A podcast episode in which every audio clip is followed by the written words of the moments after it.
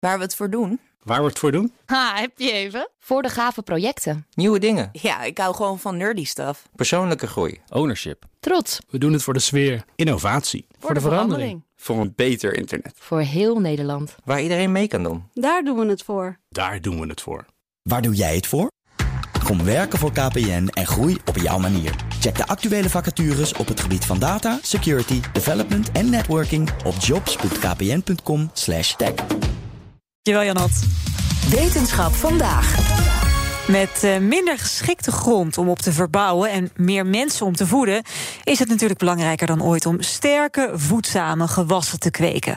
Onderzoekers hebben nu een gen ontdekt waarmee die betere gewassen weer een stapje dichterbij zijn. En wie kan dat nou beter uitleggen dan Carlijn Meinders? Goedemiddag. Hi Nina. Dit klinkt dan heel makkelijk, hè? Een gen ontdekken. Maar dat is natuurlijk niet.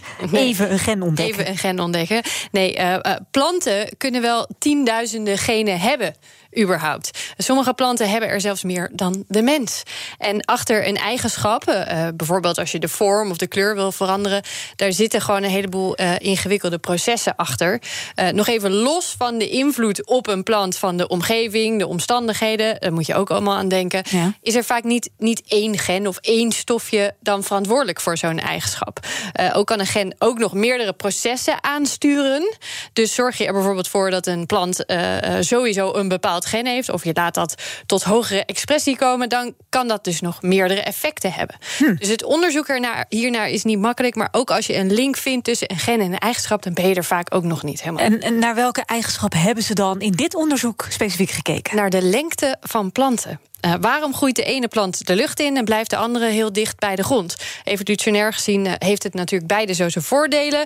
Uh, je kunt je voorstellen, dicht bij de grond is beschut. Tegen je, weer en wind. Ja, ja, heb je minder kans om opgegeten te worden als er een dier voorbij komt. je hoeft ook geen energie te stoppen in het maken van lange stengels. Maar hoog in de lucht verspreiden de zaadjes weer makkelijker. Zit je meer in het licht. Dus het heeft allebei voordelen. Ja, ja. En, en geldt dat dan bijvoorbeeld ook voor gekweekte rassen? Uh, ja, daarin spelen mensen natuurlijk vooral een grote rol. Uh, het kruisen en kweken van planten met gunstige eigenschappen, dat gebeurt al heel lang. Uh, 10.000 jaar geleden waren mensen al bezig met het domesticeren van planten. En door de jaren heen zijn de wensen van waar een plant aan moest voldoen wel een beetje veranderd. Onderzoeker Robert Sablowski van het Britse John Innes Center vertelt waarom we bijvoorbeeld ooit wilden dat planten lekker dicht bij de grond groeiden. There are two main reasons. Uh, one of them is that if you spend less energy building stem, roots, leaves, bulking up the plant, you have more resources to put into seeds and fruits. So you get more. Uh, the other reason that is very important is that when you want more yield from the same land, at least in those days, uh, they had to add more fertilizer.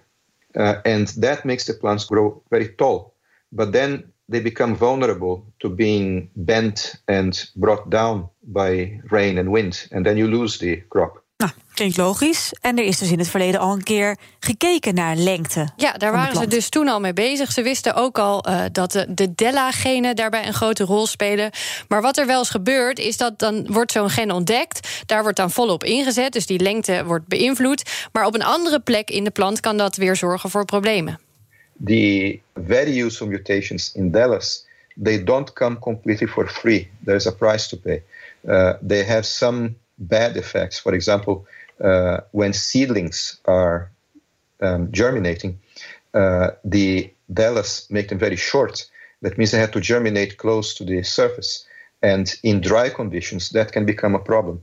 So if you have even better genetic tools that make you allow you to change plant height without uh, any unintended consequences, that would be better. Dus dat gesleutel aan de lengte had in dit geval een nadelig effect op het kiemen van plantjes. Ja. Uh, in het nieuwe onderzoek hebben ze iets gevonden dat daar mogelijk dan weer bij kan helpen. Een ander gen, het ATH1-gen, dat een belangrijke rol speelt. Ook bij het bepalen van die groei. En waarmee ze hopelijk de lengte kunnen beïnvloeden. Maar dan op een veel gecontroleerdere manier.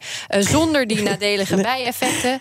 Uh, dat je bijna kunt gaan kijken wanneer en waar moet er precies iets groeien in zo'n plant. Zo echt ingewikkeld. Hè? Dus een, een plant die is door de generaties heen, zullen we maar zeggen, iets geworden wat goed werkt voor die plant. Dan denken wij, nee, nee, nee, wacht even. kan hij, beter. Werkt, hij werkt zo niet goed voor ons. Dan gaan we eraan sleutelen. Dan denken we, ha, dat gaat toch niet goed dat met, met deze plant zo. We gaan er weer aan sleutelen. Ja, Ja, ja, oh, ja, nou. zo is het wel een beetje gegaan. Ja. Ik heb wel het idee dat er constant nieuwe genen van planten worden Ja, het ontdekt. gaat Of best zeg ik wel iets raars. Nee, het gaat best wel hard. Ook hier in Nederland wordt er natuurlijk veel onderzoek eh, aan gedaan. Wageningen natuurlijk. Universiteit Leiden ontdekte ze een, een levensverlengend gen... waarmee het wellicht mogelijk wordt om van eenjarige planten... als rijst en tarwe eh, weer meerjarige ja, planten dat te zou dus nuttig zijn. Ja. Dus dat zou nuttig zijn. Universiteit Utrecht hebben ze onder andere gekeken naar hoe een plant bepaalt welk blaadje waar aan de plant moet komen. En dat zijn natuurlijk nog maar een paar van de vele, vele voorbeelden. En weten we dan ook waarom twee planten uit dezelfde plantenfamilie heel erg juist kunnen verschillen in, in die hoogte? Ja, je, je hebt bijvoorbeeld bloemkool en eh, Broccoli?